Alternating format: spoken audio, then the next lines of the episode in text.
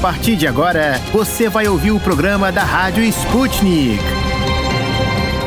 Saudações, estimados ouvintes. Eu sou o Pablo Rodrigues e com minha colega Ana Lívia Esteves vou levar muita informação bacana para cada um de vocês. E não importa onde vocês estejam. É isso aí, ouvintes. O ano já está chegando ao fim, mas nem por isso as novidades param de surgir. Por exemplo, na quarta-feira, 29 de dezembro, o governo brasileiro decidiu dispensar a ajuda humanitária oferecida pela Argentina para as vítimas das tempestades na Bahia. As fortes chuvas já mataram 24 pessoas e 132 cidades baianas já decretaram o estado de emergência. A tragédia afetou cerca de 630 mil pessoas, caros ouvintes. Apesar dos números tristes, o governo federal decidiu abrir mão da ajuda da Argentina, que queria enviar profissionais especializados em saneamento, logística e apoio psicossocial. Em uma transmissão ao vivo feita em suas redes sociais, o governador da Bahia, o Rui Costa, do PT, afirmou que a Secretaria de Saúde do Estado está acompanhando a situação de perto e citou ainda a urgência na reposição de remédios e imunizantes. Segundo Rui Costa, há cidades baianas que estão sem remédios e vacinas. E nessa quinta-feira, dia 30 de dezembro, espera-se um telefonema entre os presidentes da Rússia e dos Estados Unidos. Os presidentes dos Estados Unidos e da Rússia, Joe Biden e Vladimir Putin, vão discutir múltiplos assuntos de segurança e questões estratégicas antes de uma série de negociações agendadas sobre a questão da Ucrânia. Segundo um funcionário da administração americana, aspas, o presidente Biden vai conversar com o presidente Putin por telefone a pedido do lado russo. Foi também confirmado pelo lado americano que o telefonema ocorrerá às 17h30 no horário de Brasília. Biden vai ligar de sua residência na cidade de Wilmington, no estado de Delaware, e o evento estará fechado para a imprensa. O funcionário americano acrescentou ainda que vai ser preciso um engajamento de alto nível para encontrar um caminho para desescalada a respeito da situação em torno da Ucrânia, acrescentando que Biden vai ouvir atentamente o que Putin tem a dizer e vai compartilhar os seus próprios comentários. Falando em Ucrânia, o secretário de Estado norte-americano Anthony Blinken analisou na quarta-feira, dia 29, com o presidente ucraniano Vladimir Zelensky, o conflito na região ucraniana de Donbass, bem como os próximos contatos diplomáticos com a Rússia. De acordo com o porta-voz do Departamento de Estado Ned Price, Blinken e Zelensky, aspas, discutiram os esforços para resolver de forma pacífica o conflito na Ucrânia e as seguintes aproximações diplomáticas com a Rússia. Zelensky escreveu no Twitter que, abro aspas, foi confirmado o apoio total à Ucrânia por parte dos Estados Unidos na contenção da agressão russa. Fecho aspas. Em 10 de janeiro, os Estados Unidos e a Rússia iniciarão conversas diplomáticas sobre a estabilidade estratégica e questões de segurança. Kiev tem expressado preocupações pelo que chama de aspas, ações agressivas da Rússia ao longo das fronteiras ucranianas. Mas o Kremlin diz que a Rússia não é uma ameaça e que desloca as tropas dentro do seu próprio território a seu próprio critério. Bem, ouvintes, acho que chegou a hora de conferirmos o que vamos ter no programa desta quinta-feira, 30 de dezembro. E no programa de hoje. No Destrinchando a Charada Brasil, um especialista em cibersegurança dará dicas para evitar cair em golpes pela internet. No Esqueceram de Mim em Portugal, a Luísa Ramos conta sobre a maior redução de bebês nascidos em Portugal em todos os tempos. No Bombando no YouTube, vamos descobrir por que os Estados Unidos estão ameaçando intervir novamente na Somália. No Destrinchando a Charada Internacional, vamos saber se há chances dos Estados Unidos aceitarem as demandas do Irã para a retomada do acordo nuclear de 2015. O Mistura do Brasil com Moscou vai anunciar a obra Dança Frenética para Piano Solo de José Siqueira e bater um papo com a sobrinha neta dele, a pianista Josélia Ramalho Vieira. Destrinchando a Charada. De dentro e fora do Brasil. Política, economia, sociedade e tudo que engloba o maior país da América Latina. As charadas mais complicadas do Brasil são destrinchadas aqui.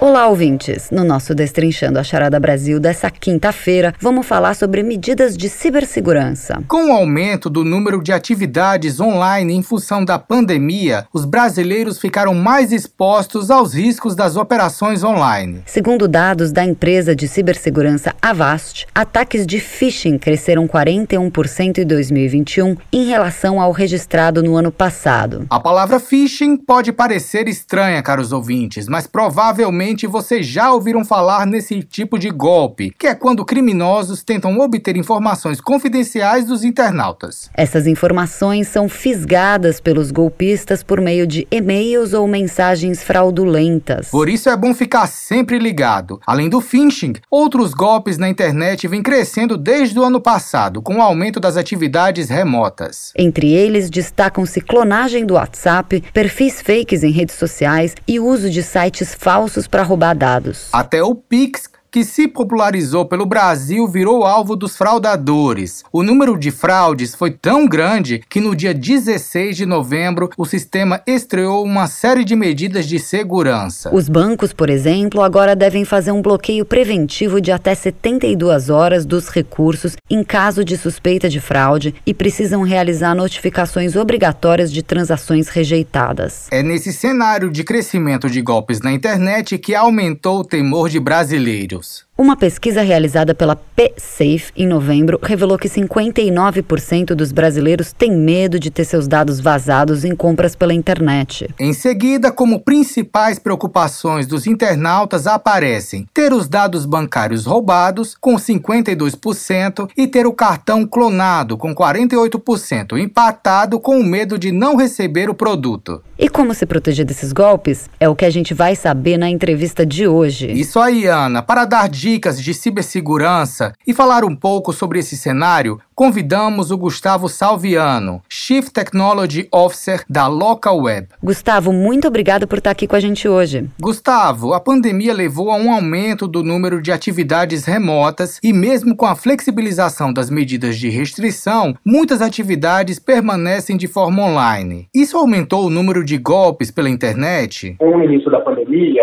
esse cenário foi muito acelerado. Então, com isso, muitas empresas que não tinham planos imediatos de fazer uma transformação digital, elas iniciaram o processo de uma forma muito rápida para poder ter resposta no seu negócio ao momento de pandemia e de isolamento. Muita empresa que não existia passou a existir no mundo digital e com isso tem mais áreas e espaços para esses atacantes é, experimentarem algum tipo de crise. Esse movimento ele também foi feito de uma forma muito acelerada, né, pela questão da pandemia. Então, questões de segurança muitas vezes foram deixadas de lado pela velocidade pela necessidade das empresas transformarem digitalmente para sobreviver. E aí isso gera um espaço de novo, né, é muito fértil, um terreno muito fértil aqui para esses atacantes explorarem.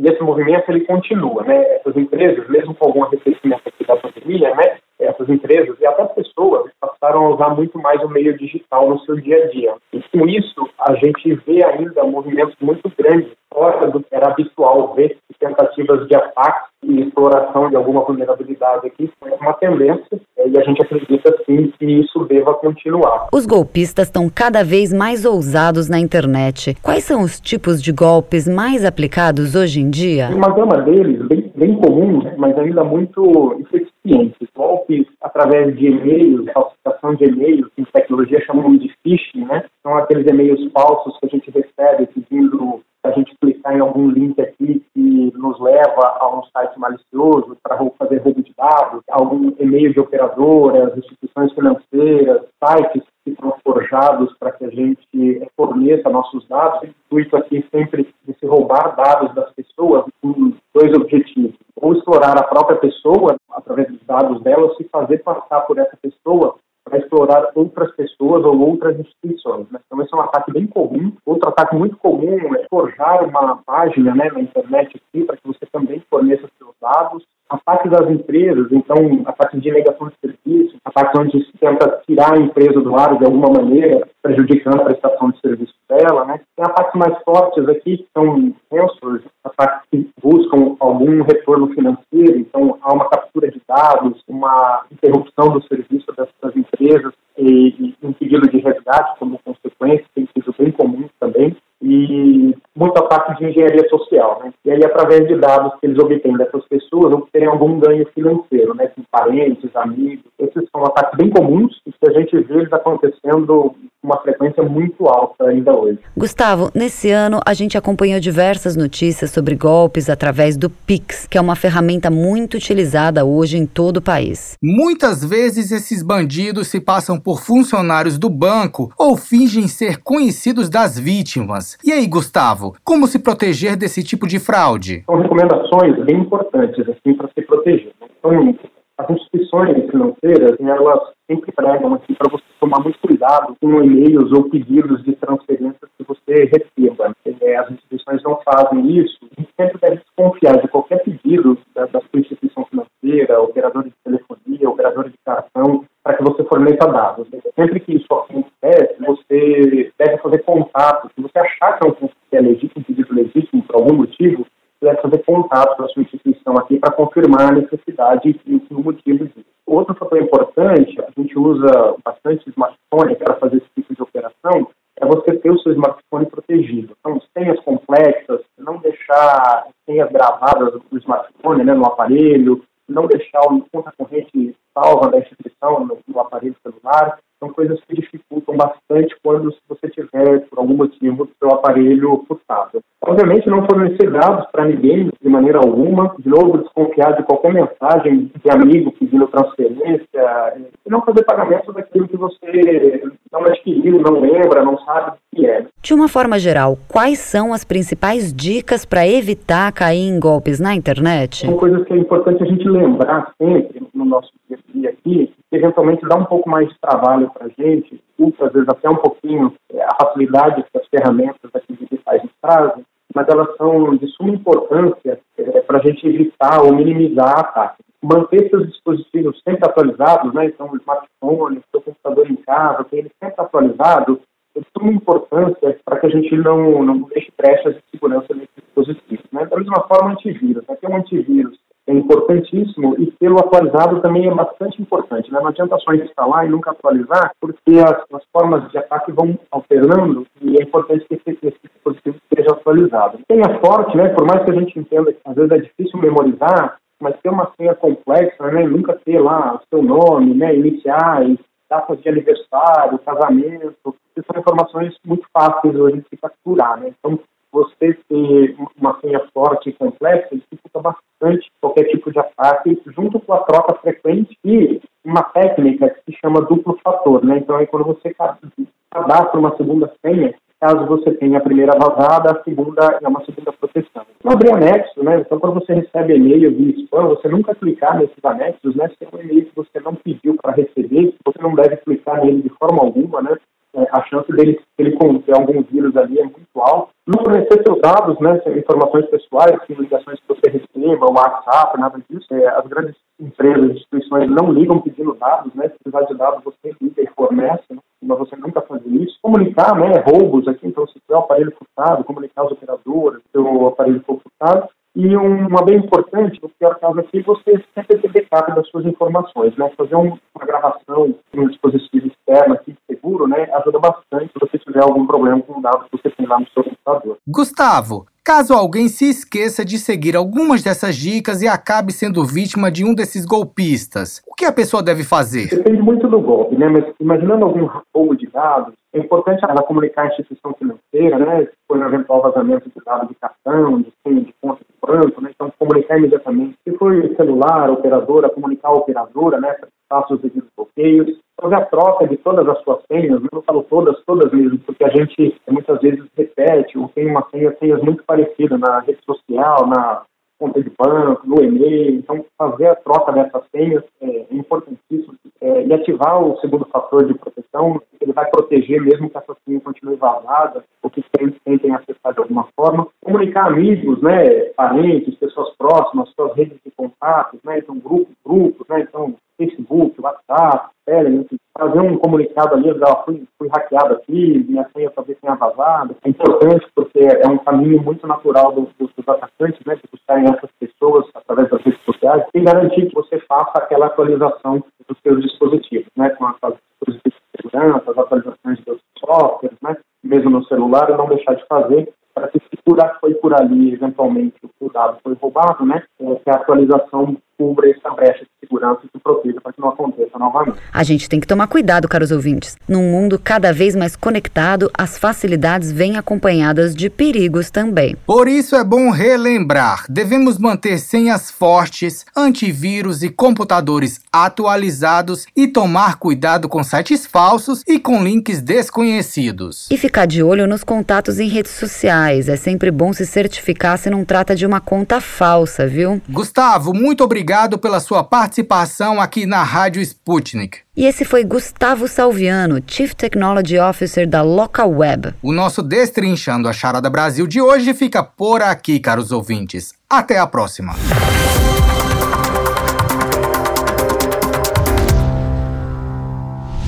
Esqueceram de mim em Portugal.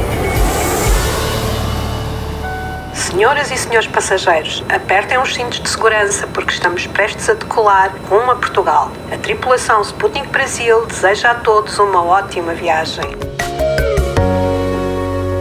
Ano novo chegando, renovação, isso nos lembra de renascimento. No caso de Portugal, os nascimentos chegaram a números indesejáveis. E vamos saber mais com a nossa correspondente Luísa Ramos. Olá, Lu. Olá, Pablo. Olá, Ana. Olá, ouvintes da Rádio Sputnik. Portugal registrou o número mais baixo de nascimentos até final de novembro de todos os tempos para o período. Foram apenas 72.300 216 bebês que nasceram em solo lusitano, segundo o Programa Nacional do Rastreio Neonatal, o PNRN, ou o famoso teste do pezinho, que cobre quase na totalidade os nascimentos no país. Cerca de 99,5% dos bebês fazem o exame entre o terceiro e o sexto dia de vida. Os dados do PNRN indicam que nos primeiros 11 meses deste ano foram menos 6.058 crianças nascidas face ao período homólogo de 2020. De acordo com os dados mais detalhados divulgados pelo Instituto Nacional de Saúde, Dr. Ricardo Jorge, o maior número de novos nascimentos foi na capital Lisboa e no Porto. Em Lisboa, com 21.485 testes do pezinho feitos e 13.435 feitos no Porto.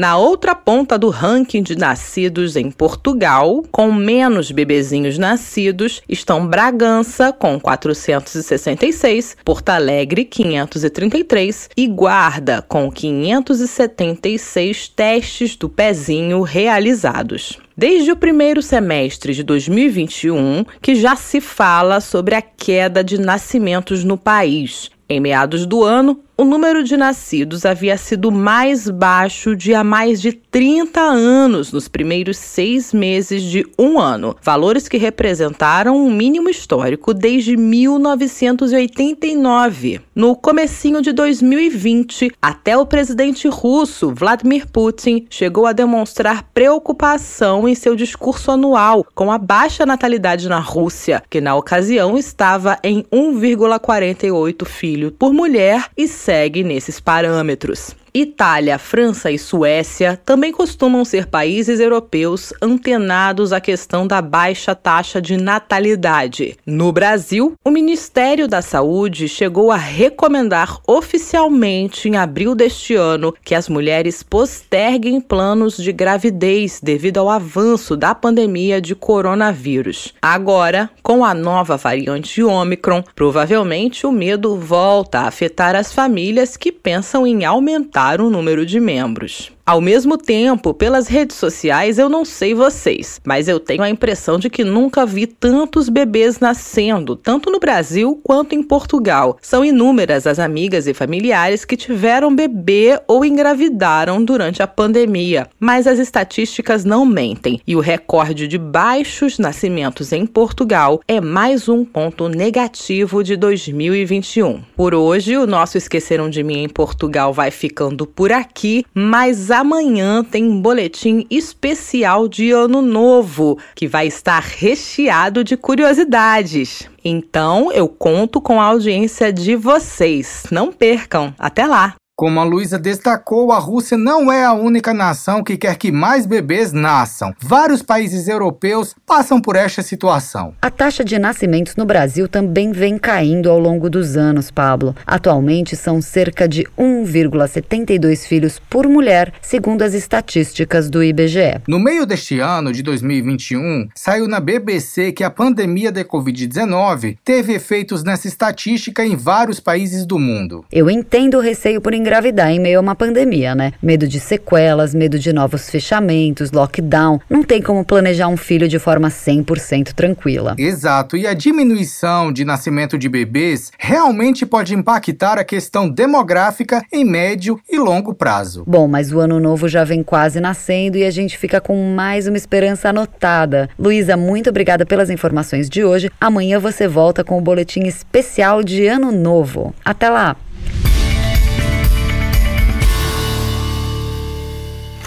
Bombando no YouTube.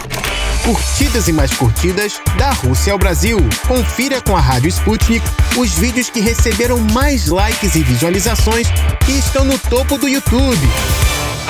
E fique por dentro do que está sendo filmado por amadores ou profissionais pelo mundo afora. Queridos ouvintes, chegou a hora da gente ir lá na redação da Sputnik Brasil conversar com o nosso colega Tito da Silva. Olá, Tito! Conta aí pra gente quais são os vídeos que estão dando o que falar no YouTube. Olá, queridos amigos da Rádio Sputnik. Eu sou Tito da Silva e estes são os vídeos que estão bombando no YouTube nesta quinta-feira, 30 de dezembro. No topo da lista, o governo norte-americano ameaçou o presidente da Somália, Mohamed Abdullahi, com intervenção um dia após o mesmo fazer manobra política para destituir o primeiro-ministro Mohamed Roble. Segundo os Estados Unidos, a destituição do premier seria um impedimento ao caminho da paz na Somália, onde a rixa entre ambas as autoridades autoridades seria uma das dificuldades para se resolver o impasse sobre a realização de eleições locais. Anteriormente, Mohamed Roble foi encarregado por Abdullahi para organizar as eleições. Contudo, Abdullahi afirma que Roble é suspeito de corrupção, ao passo que este acusa Abdullahi de tentar um golpe. No contexto da briga política, temores crescem de que o momento de desunião no governo possa ser aproveitado por terroristas islâmicos para se fortalecerem na Somália. Para assistir ao vídeo, é só digitar Estados Unidos ameaçam intervir na Somália enquanto o presidente e premier do país se desentendem. E no segundo vídeo de hoje, militantes palestinos foram filmados treinando táticas de combate contra Israel na faixa de Gaza. No exercício, que foi organizado pelo Hamas, os membros de diferentes facções palestinas utilizaram foguetes, diferentes explosivos e até mesmo maquetes capazes de se mover do tanque israelense Merkavah. Os militantes ensaiaram táticas contra o Merkavá e a captura de sua tripulação. Para você assistir ao vídeo, basta digitar no YouTube. Hamas usa réplicas de tanques Merkavá para treinar ataques contra Israel. No terceiro vídeo de hoje, o canal Fatos Desconhecidos resolveu destacar os benefícios de um banho gelado para a saúde. É verdade que tomar banho com água fria pode ser um sacrifício para aqueles que preferem uma água morna ou até mesmo bem quente. Mas a questão é que, se você tomar banho frio por 30 dias, seu corpo tirará um grande proveito disso. Um deles é você se sentir com mais energia e ficar mais atento. E para quem vive mal-humorado, o banho frio não só ajuda a melhorar o humor, como também pode ser usado para combater a depressão. Segundo um estudo científico, um banho frio, pelo menos três dias na semana, estimula o cérebro liberar hormônios que podem ajudar o seu humor, memória e concentração. Bom, que tal um banho frio, hein? E para você que gosta de história do Brasil e a época dos descobrimentos, vem aí o quarto vídeo de hoje. O canal Globalizando o Conhecimento destacou fatos bem interessantes sobre a Colônia do Sacramento, que foi fundada por portugueses no sul do atual Uruguai em 1680. O problema é que o local acabou se tornando de ambição também dos espanhóis, e após quase 100 anos de disputa, terminou na mão deles. E foi lá que os portugueses encontraram índios que tinham prata oriunda da famosa região de Potosí ainda no início do século XVI. Sagazes, os portugueses então tentaram, através do Rio da Prata, em cuja zona foi construída a colônia do Sacramento, chegar até Potosí, que hoje é a Bolívia, para alcançar as tão desejadas minas de prata. Mas parece que os espanhóis não estavam nada satisfeitos com a presença portuguesa, que além do mais era contra o Acordo de Tordesilhas. E no quinto vídeo de hoje, você já parou para pensar o que significa o nome de algumas marcas conhecidas mundialmente, tipo Pepsi, Gap e outras? E foi sobre isso que o canal Nerd Show resolveu falar. E vamos começar com a Pepsi mesmo. Lá para o século XIX, a empresa surgiu com um nome bem diferente, Bread's Drink, que significa bebida do Brett, já que o seu inventor tinha o sobrenome Bradham. A bebida foi feita com o intuito de promover uma enzima no organismo que facilitasse a digestão. Só que o gosto caiu no amor popular e o pessoal começou a comprar não por questões médicas, mas pelo gosto mesmo. Foi aí que Bradham resolveu passar o nome da bebida para Pepsi Cola. Mas o que, que isso significa? Pepsi vem nada mais e nada menos de pepsina, que é o nome da enzima que a bebida ajuda a produzir no corpo. A situação na Somália está realmente muito complicada, queridos ouvintes. A ONU e vários países pediram para que o primeiro-ministro e o presidente do país se entendam e evitem a eclosão de um novo conflito no país africano. Mas nessa quinta-feira, 30 de dezembro, forças do grupo militante Al-Shabaab, afiliado à Al-Qaeda, que é uma organização terrorista proibida na Rússia em diversos outros países, reivindicou a autoria de um ataque terrorista na capital somali, Mogadishu.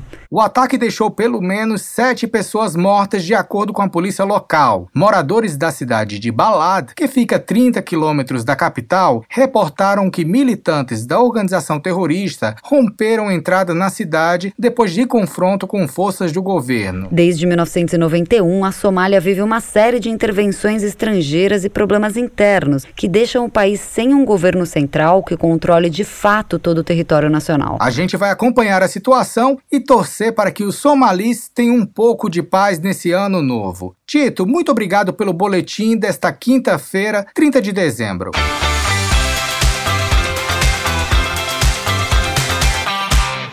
Destrinchando a charada. Encruzilhada Internacional. Relações políticas, socioeconômicas e muito mais entre as nações deste mundão. Da Rússia aos Estados Unidos. Encontre com a gente as respostas às perguntas do momento.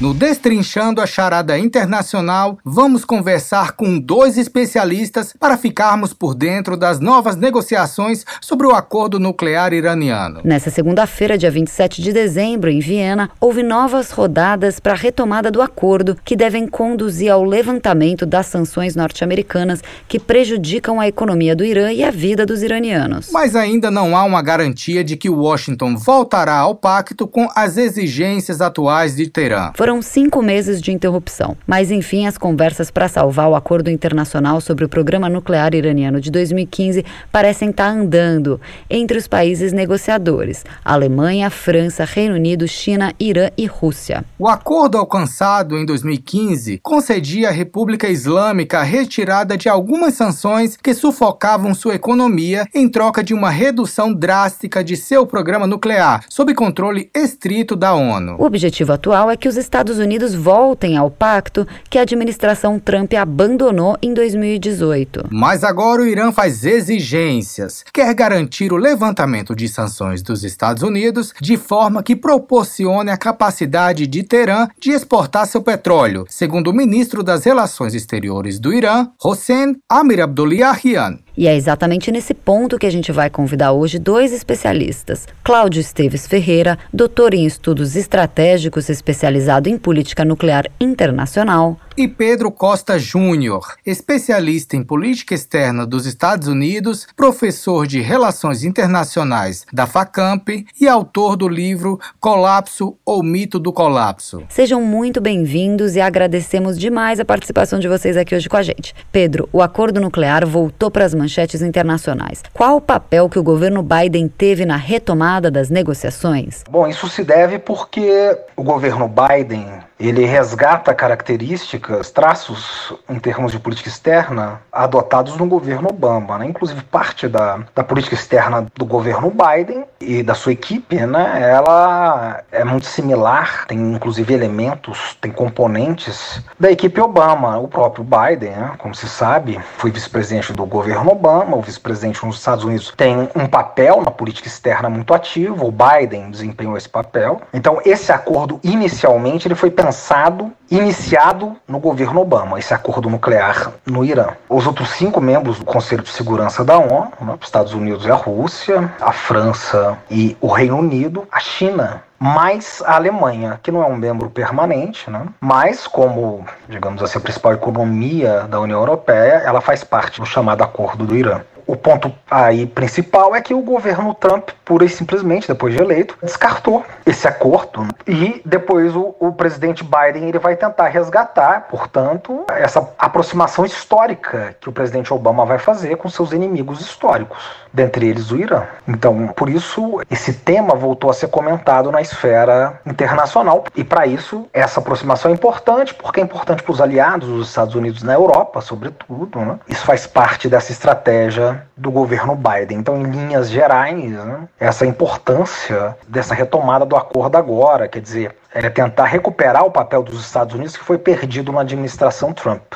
Pedro, o Irã quer poder lucrar e exportar petróleo em 2022, mas se recusa a se encontrar diretamente com as autoridades americanas. Como essa estratégia é vista pelos Estados Unidos? Do lado do Irã, o Irã ele quer retomar o acordo do ponto de vista que ele foi estabelecido em 2015, né, nas últimas rodadas de negociação, antes do Trump cancelar o acordo. Saiu unilateralmente do acordo só que o Irã ele vai colocar algumas exigências, né? Uma delas é, é que o acordo seja retomado, né, praticamente, da onde ele foi parado, da onde foi estabelecido as últimas negociações ali em 2015. Né? E, e para o Irã é interessante que essas sanções que estão sangrando a economia iraniana, né? O, o, Irã teve aí um recuo no seu PIB de mais de 6%, né? Teve a pandemia, a economia mundial inteira uh, sofreu, né? E o Irã quer voltar, sem dúvida nenhuma, a lucrar e exportar petróleo em 2022 está nos planos do governo iraniano. Para isso, o Irã ele não, não vai abaixar a guarda. Ele quer que é, o acordo seja retomado da onde as negociações pararam. Então, o Irã ele exige para que antes que Estados Unidos né, e o próprio governo iraniano possam sentar numa rodada de negociações, uma rodada prévia entre as equipes de cada governo se reúna em Bruxelas para que depois essas negociações já sejam retomadas a partir um momento que elas estejam avançadas. Mas essa estratégia não tem sido bem vista pelos Estados Unidos e a resposta dos Estados Unidos também não tem sido bem vista pelo governo recém-eleito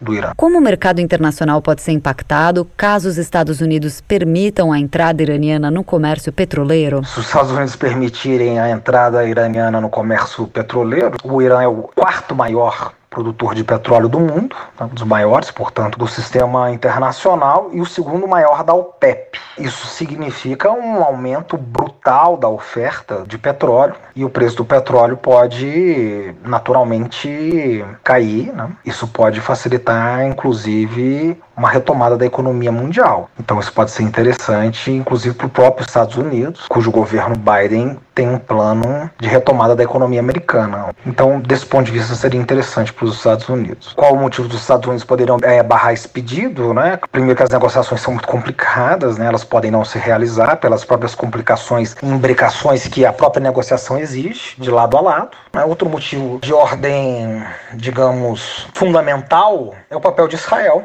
na negociação, porque Israel é contra essa negociação. Israel é o principal aliado dos Estados Unidos na região. Então Israel pressiona os Estados Unidos para não avançar porque Israel não confia no processo de não enriquecimento nuclear de urânio do Irã.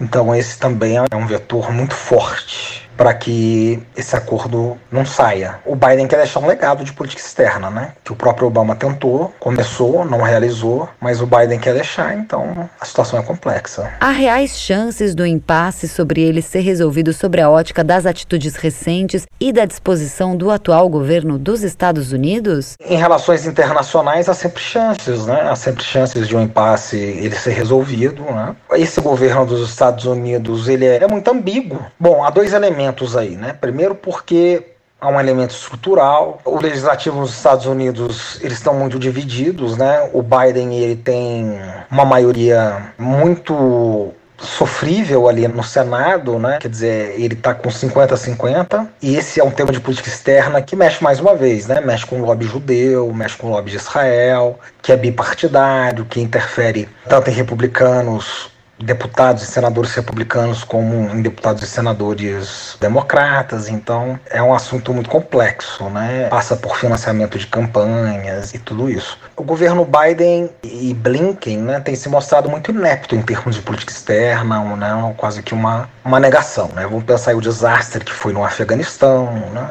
a política deles para a América Latina, que não tem nenhuma sinalização positiva até hoje, nenhum legado, um balde de água fria, né? uma política muito inepta. Né? Por outro lado, né, o Biden ele, ele vai querer deixar uma marca de política externa. Né? E talvez essa aproximação com o Irã e esse acordo com o Irã, assim como o Obama tentou, isso aí pode ser a chance dele. Então, sempre há uma esperança né, em termos de política externa. Mais uma vez, a política externa dele não, não tem mostrado novidade, a equipe não tem se mostrado competente e a situação no legislativo é sempre muito crítica, né? Isso estruturalmente, né? Conjunturamente, a situação também não é animadora. Mas as coisas em política externa são como nuvem, né? Você olha para cima, elas estão sempre mudando. Então também não dá para cravar que isso não vai acontecer, né? Bom, Agora vamos fazer perguntas ao Cláudio Esteves Ferreira, especialista em política nuclear internacional. Cláudio, em resposta ao restabelecimento das sanções, o Irã deixou de cumprir gradualmente as limitações impostas a seu programa nuclear, passando a enriquecer urânio, apesar de negar qualquer intenção de desenvolver uma arma atômica. Considerando isso, você acredita que existe mesmo um temor de uma corrida nuclear por parte dos Estados Unidos e aliados, ou há intenções obscuras em tentar causar uma tensão com as denúncias de enriquecimento de urânio para a fabricação de armas nucleares? Nucleares no Irã? Ambas as possibilidades são plausíveis. Creio ser importante fixar alguns parâmetros de análise. Primeiro deles, destacar a dureza do TNP ou do regime internacional de não proliferação nuclear, que estabelece rígida vigilância sobre os países proibidos de possuírem armas nucleares. Em 1967, aqueles que haviam realizado detonações nucleares até essa data poderiam e podem continuar possuindo seu arsenal, desenvolver pesquisas de tecnologia de armamentos e ampliar o seu arsenal sem qualquer limite. China, Rússia, França, Reino Unido e Estados Unidos. Por que tanta vigilância? Esse é o segundo ponto. É que a tecnologia nuclear ela é uma tecnologia dual para aplicação civil, produção de energia, etc. A tecnologia para esse fim é exatamente a mesma tecnologia para produzir armas nucleares. Terceiro ponto, terceiro parâmetro. Quem quer ter armas nucleares. A percepção é de que a maior parte dos países abriram mão de possuírem armas nucleares, porque a arma nuclear, a posse de armas nucleares, ela aumenta o dilema de segurança, quer dizer, ela torna um ambiente de baixo risco transforma aquele ambiente num ambiente de alto risco. Então, quem procura armas nucleares? Todos os países que têm ambição de ser grandes potências. Não é por à toa que os cinco signatários do TNP que possuem o direito dado pelo TNP de possuírem armas nucleares são os cinco que possuem assento permanente no Conselho de Segurança. Isso não é coincidência. E o Irã? O Irã não tem ambições de ser uma grande potência no âmbito do sistema e da ordem internacional, mas ele é uma potência regional, cercado de alguns países, do ponto de vista geopolítico, que possuem armas nucleares. O mais importante deles, Israel, com quem ele tem uma rivalidade persistente. O representante permanente da Rússia para as organizações internacionais em Viena, Mikhail Ulyanov classificou a declaração iraniana de querer voltar com o um acordo com a retirada de sanções e possibilidade de exportar o seu próprio petróleo como uma, aspas, mensagem positiva. Como você analisa essa fala, professor? E você acredita que se o governo Trump não tivesse tomado posse, o acordo nuclear iraniano teria sido abalado? O representante russo está plenamente correto e creio que ele expressa o desejo de todos os envolvidos no acordo, inclusive o próprio Estados Unidos. Ninguém queria o fim do acordo, exceto o Trump E com a saída dele, evidente, né? Eu, eu, pelo menos esperava que as negociações fossem restabelecidas e o acordo também fosse né, restabelecido aos seus termos originais. A maior dificuldade é discutir como esse restabelecimento se dará. Tá? Opinião minha, pessoal. Como a iniciativa de sair foi americana, eu creio que o primeiro passo para o restabelecimento do acordo tem que ser dado pelos Estados Unidos, porque nas relações internacionais todos os acordos eles devem serem concretizados a partir de um estabelecimento de uma relação de mútua confiança. Então, antes de tudo, a confiança tem que ser restabelecida. Só que não vejo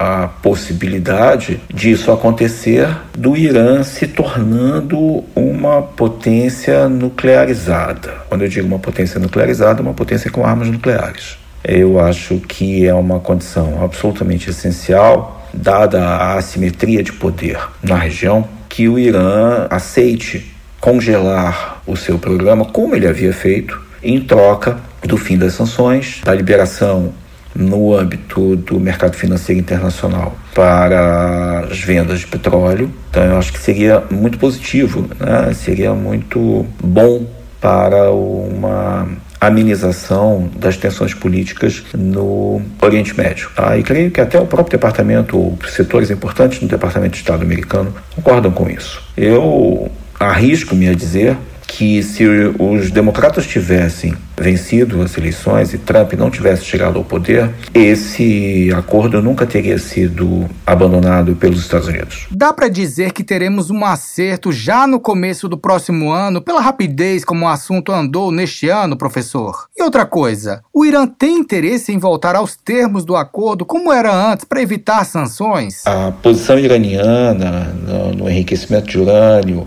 se afirmou como imperativa de prioridade. E os Estados Unidos, passados o primeiro ano de assentamento do novo governo, creio que puderam dar algum foco, algum maior interesse às questões de natureza internacional. Nós sabemos que nos Estados Unidos as questões internas prevalecem sobre as questões externas. Aliás, como praticamente em qualquer país é assim. Agora, dizer se teremos um acerto no começo do ano será difícil. É uma, o que eu entendo é que há um interesse mútuo em todas as partes no sentido de que esse acordo ganhe consistência e chegue a bom termo. O mais importante, na minha avaliação, é de que haja a construção de uma relação de confiança mútua. Isso é que é o fundamental. Havendo isso, passos dados pelos americanos no sentido de explicitar claramente a sua intenção de obter um acordo, porque o Irã vinha cumprindo regiamente o que havia sido acordado. Então ele tem todo o interesse em aceitar as condições tais como estavam no acordo. Não acredito que a imposição de condições suplementares seja aceitável pelo Irã se o acerto será alcançado, eu acredito que o acerto será alcançado, tá? Agora, quando ele será alcançado, é muito difícil de prever. Mais uma vez, agradecemos a participação e análises. Tivemos hoje aqui Cláudio Esteves Ferreira, doutor em estudos estratégicos, especializado em política nuclear internacional. E Pedro Costa Júnior, especialista em política externa dos Estados Unidos e professor de Relações Internacionais da FACAMP e autor do livro Colapso ou Mito do colapso. Nosso último Destrinchando a Charada Internacional do ano fica por aqui. Amanhã temos perspectivas para 2022. Não percam!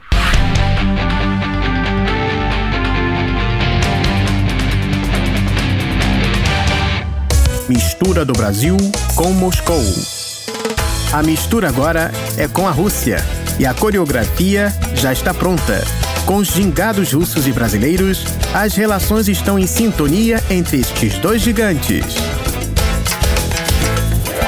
Para fechar o ano com muita música rara brasileira, a Rádio Sputnik tem o prazer de anunciar a obra Dança Frenética para Piano Solo do compositor paraibano José Siqueira. As obras desse paraibano refletem uma realidade não só nordestina, mas de todas as regiões do Brasil, caros ouvintes. José Siqueira compôs de tudo, caros ouvintes: óperas, cantatas, concertos, oratórios, sinfonias, música de câmara, música de balé, música vocal. Olha só, a lista é extensa. Assim como a história de José Siqueira. E para a gente conhecer melhor, a gente tem o prazer de falar com a sobrinha neta desse compositor paraibano. Josélia Ramalho Vieira é pianista, violoncelista e professora da Universidade Federal da Paraíba. Josélia, olá. A gente gostaria muito de perguntar para vocês sobre as disciplinas ministradas por você na UFPB. O que, que elas têm a ver com piano? Olá aos ouvintes da Rádio Sputnik. Eu gostaria já começar agradecendo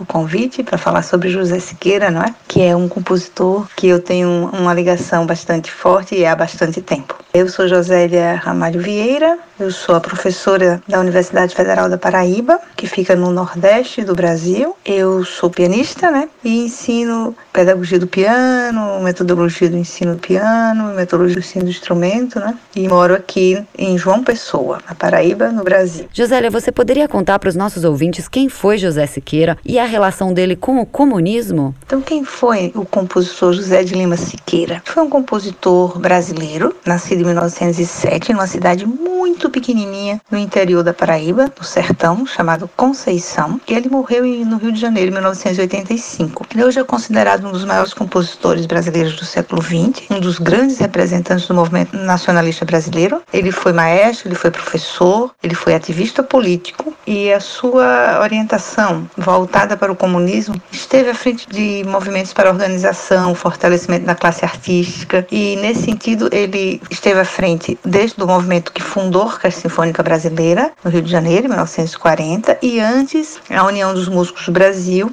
e depois a Ordem dos Músicos do Brasil, já em 1960. Então, essa lei que regulamentou a profissão de músico no Brasil é uma lei que a gente deve a José Siqueira. Ele também foi membro fundador da Academia Brasileira de Música, da Academia Brasileira de Artes, né? E como maestro, ele esteve à frente de importantes orquestras no Brasil, em Portugal, na França, na Holanda, na Itália, na Alemanha, na União Soviética, no Canadá, nos Estados Unidos. Como professor, ele foi professor de harmonia na Universidade Federal do Rio de Janeiro, né, mas antigamente era o Instituto Nacional de Música, né. Mais tarde ele foi professor da cátedra de composição até quando ele foi aposentado compulsoriamente pelo AI-5, o ato institucional número 5, que aconteceu em 1968. Aí, a partir daí, Siqueira foi proibido de reger, de ensinar no país, né? E essa proibição o levou a atuar, a morar na União Soviética, também na Alemanha Federal e fora do país, né? Porque já dentro do, país ele não podia nem dar aula, nem reger e nem ter suas obras tocadas. Foi realmente uma coisa muito impactante, tanto para a vida quanto para a obra de Siqueira. Depois de se mudar para o Rio de Janeiro, José Siqueira visitava os parentes na Paraíba? Você tem alguma lembrança dele? E outra coisa, Josélia, Siqueira te incentivou a seguir estudando música? Como eu falei, José Siqueira nasceu no interior da Paraíba, uma cidadezinha chamada Conceição,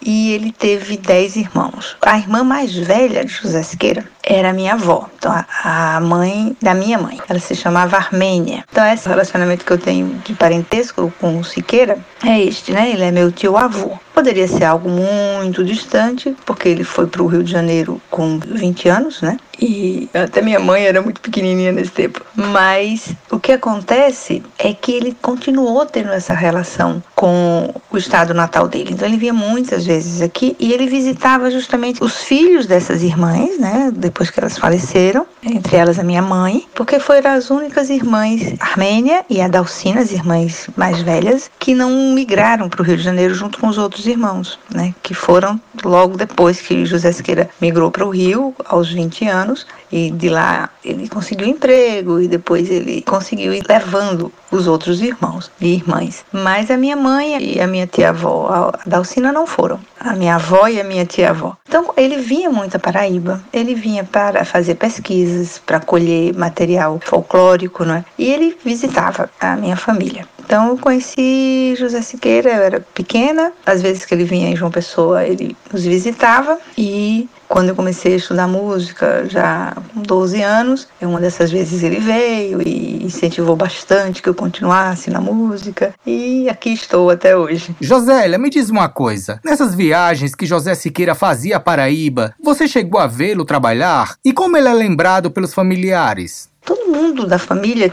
tem com Siqueira, com José Siqueira, né, uma lembrança muito afetiva. Ele era um homem muito carinhoso, atencioso, muito alegre e ele ajudava muito. Ele tinha relações em vários campos, né, porque ele era ativista e ele se formou em direito. Ele fazia conexões para que os sonhos dele acontecessem. Ele arrumava emprego para as pessoas, ele conseguia colocação para as pessoas. Ele não só da família, né? Então, ele trabalhava para mandar para fora do país é, músicos talentosos, como ele fez com Eleazar Carvalho, ele fez com Aldo Parisot, conseguiu bolsa para eles irem é, estudar. Ele tinha um, um pensamento assim comunitário, né? Que era bem impressionante assim o que ele conseguia agregar né? ele era uma pessoa agregadora de sonhar junto e trazer para o sonho dele o máximo de pessoas possíveis para que aquele sonho acontecesse. Então, eu lembro que ele veio na Paraíba na década de 80, a convite do então governador Tarcísio Buriti, que era um amante das artes, das,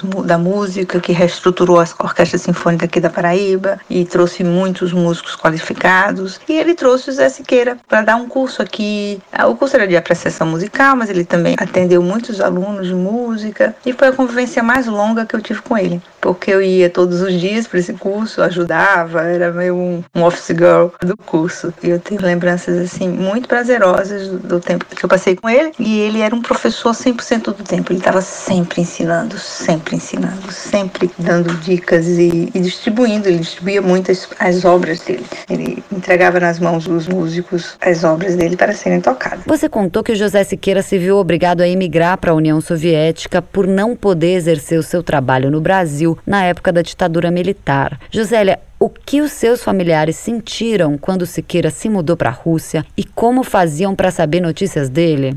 A nossa família aqui na Paraíba é uma parte pequena do Siqueira que ficaram, né? A maioria estava lá no Rio de Janeiro. E muitos desses familiares do Rio, dessa segunda, terceira geração, eu só conheci quando fiz pesquisa no meu mestrado, nos anos 2004 a 2006. Eu fiz uma pesquisa, escrevi um trabalho de mestrado sobre José Siqueira, especificamente sobre a suíte sertaneja para violoncelo e piano. E aí eu conheci pessoas da família que eu não conhecia, né? que ficaram no Rio de Janeiro. Conheci os mais velhos. Então, eu não, eu não sei te dizer como foi esse sentimento, né? Mas aqui na Paraíba, minha mãe recebia dele cartão, recebia carta. Ele nunca perdeu contato com as pessoas da família. E só fazendo parênteses sobre essa pesquisa do suíte sertaneja para violoncelo e piano, é porque eu me formei em violoncelo e toquei muito tempo na Orquestra Sinfônica da Paraíba, mas me especializei mais em piano, né? E aí na, no mestrado eu escrevi sobre a suíte sertaneja para violoncelo e piano, que aí pegava os meus dois instrumentos do coração. Que interessante Josélia, que a sua tese de mestrado tem a ver com as obras do seu tio-avô e que acabou te aproximando de familiares que antes você nem sabia que tinha. Josélia, agora falando sobre outra obra de Siqueira, a Dança Frenética para Piano Solo, que vamos ouvir um trechinho daqui a pouco e que vai ser publicada na sexta-feira, dia 31 de dezembro, pelo projeto Música Rara Brasileira. O que você tem a dizer sobre ela? A Dança Frenética ela foi composta em 1948 e este ano especificamente foi um ano muito prolífico para ele. Se a gente pega o catálogo de Joaquim Ribeiro, que é o primeiro catálogo onde a gente tem a listagem das obras de Siqueira, de 1963, nesse catálogo tem apenas 25 peças solo, para piano solo. E dessas, nesse ano de 1948, nós temos, além da dança frenética, o Murucututu, três prelúdios, as duas canções nortistas, temos a canção popular, o chorinho, temos a festança de negro, a dança heróica, além das quatro valsas, né? Então isso tudo foi em 1948. Foi um ano que ele se dedicou bastante a compor músicas para piano solo, né? Então esse ano, 1948, a gente pode dizer então que a dança frenética ela está dentro da fase composicional de Zé Siqueira, que é aquela fase nacionalista. Então, segundo Maris, é, Vasco Maris, né, no seu livro de ano 2000, ele fala o seguinte, que o Zé Siqueira ele é considerado universalista até 1943. A partir daí, ele compôs dentro da estética nacionalista e depois o Mariz só coloca essas duas fases, né? Mas o próprio Siqueira, ele fala o seguinte, abre aspas, procuro dentro da minha música, na fase em que eu sou o nacionalista folclórico, eu procuro fazer uma música eminentemente brasileira do Nordeste. Escrevi muito assim e depois resolvi fazer o nacionalismo essencial, que é quando eu consigo fazer música brasileira sem usar o folclore, fecha aspas. Isso foi uma citação do filme Toada para José Siqueira, que estreou em 2021, este ano, que é um filme dos cineastas Edu Consone e Rodrigo T. Marques, que eu tive o prazer de participar na pesquisa musical. Né? Então, Siqueira ele fala isso. A estética dele é eminentemente nordestina. Mas se você escuta a dança frenética, pouco você vai ouvir o que ele chama de nacionalismo folclórico. Né? Você não vai ouvir uma canção folclórica tão nítida ali por trás. Então, eu considero essa música já na fase de mudança entre uma fase e outra. E como pianista e violoncelista, você já teve a oportunidade de tocar outras obras de Siqueira além das citadas anteriormente? Toquei muitas peças de Siqueira, tanto para piano solo como para piano e violoncelo. Então, das piano solo, as valsas, né? Cantiga, toquei essas que encontrei agora há pouco tempo, né, do Juca Siqueira, a valsa, sonhando, amor vingativo, dúvida. E no meu mestrado, como eu foquei nas peças para violoncelo e piano, então toquei junto com violoncelistas, toquei a suíte sertaneja, toquei a elegia, a meditação, fiz uma transcrição da valsa Sonhando para trombone e piano e toquei muito com o meu colega Sandoval Moreno. E como violoncelista da orquestra, toquei algumas peças orquestrais de Siqueira, né? O Carnaval do Recife, a Toada, o Estouro da Boiada, uma música que eu estou lembrando agora. Então já toquei bastante o José Siqueira. Josélia, muitíssimo obrigada por participar desse bate-papo aqui na Rádio Sputnik. Queridos ouvintes, essa foi Josélia Ramalho Vieira, pianista, violoncelista e professora da Universidade Federal da Paraíba. Gostaria de me despedir desejando a todos os ouvintes da Rádio Sputnik um feliz ano novo, com muita saúde, que as coisas melhorem mundialmente em relação à pandemia, tudo que a gente tem sofrido né, nos últimos dois anos. Gostaria de agradecer bastante o convite da rádio para essa entrevista de um assunto que eu amo tanto falar, que é sobre a vida desse homem extraordinário que foi José Siqueira e da sua obra, especificamente da obra para piano, e quero parabenizar o pianista que tocou a dança frenética e, e a vocês por esse projeto tão maravilhoso. Muito obrigada. Nós que agradecemos, Josélia. Desejamos um feliz ano novo para você, repleto de realizações, felicidades e muita música de José Siqueira. Que tal a gente ouvir um trechinho da dança frenética para piano solo de Siqueira Ouvintes? Toca aí, DJ.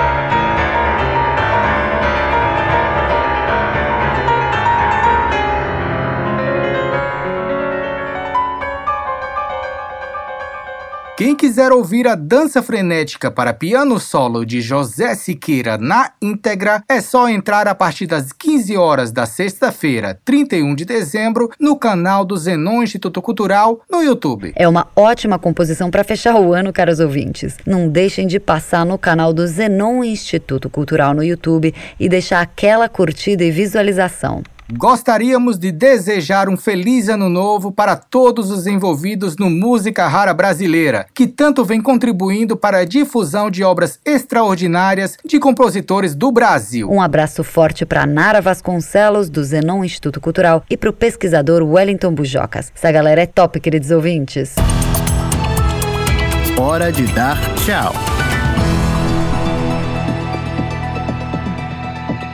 Queridos ouvintes, o nosso programa dessa quinta-feira, 30 de dezembro, fica por aqui. Foi um prazer contar com a audiência de vocês nessa jornada de notícias, análises, cultura e muito entretenimento. Amanhã a gente volta com o nosso programa especial da virada do ano. Vamos conversar sobre as perspectivas para 2022 para a gente começar o ano com o pé direito. Mas para você ficar por dentro de tudo até lá, fique ligado nos canais da Sputnik Brasil, no Telegram e no YouTube. Nossos colegas do site br.sputniknews.com também estão ligados 24 horas para que você não perca nada do que está rolando no Brasil e no mundo. Amanhã a gente se vê para comemorar juntos a virada do ano, queridos ouvintes. O programa da Rádio Sputnik teve apresentação, produção e edição de texto de Ana Lívia Esteves e de mim, Pablo Rodrigues, e produção de conteúdos e edição de texto de Everton Maia, Luísa Ramos e Tito da Silva. A edição e a montagem do programa são do Wellington Vieira e do Davi Costa. O editor-chefe da redação da Sputnik Brasil no Rio de Janeiro é Renan Lúcio e em Moscou, Konstantin Kuznetsov. Você acabou de ouvir mais um programa da Rádio Sputnik.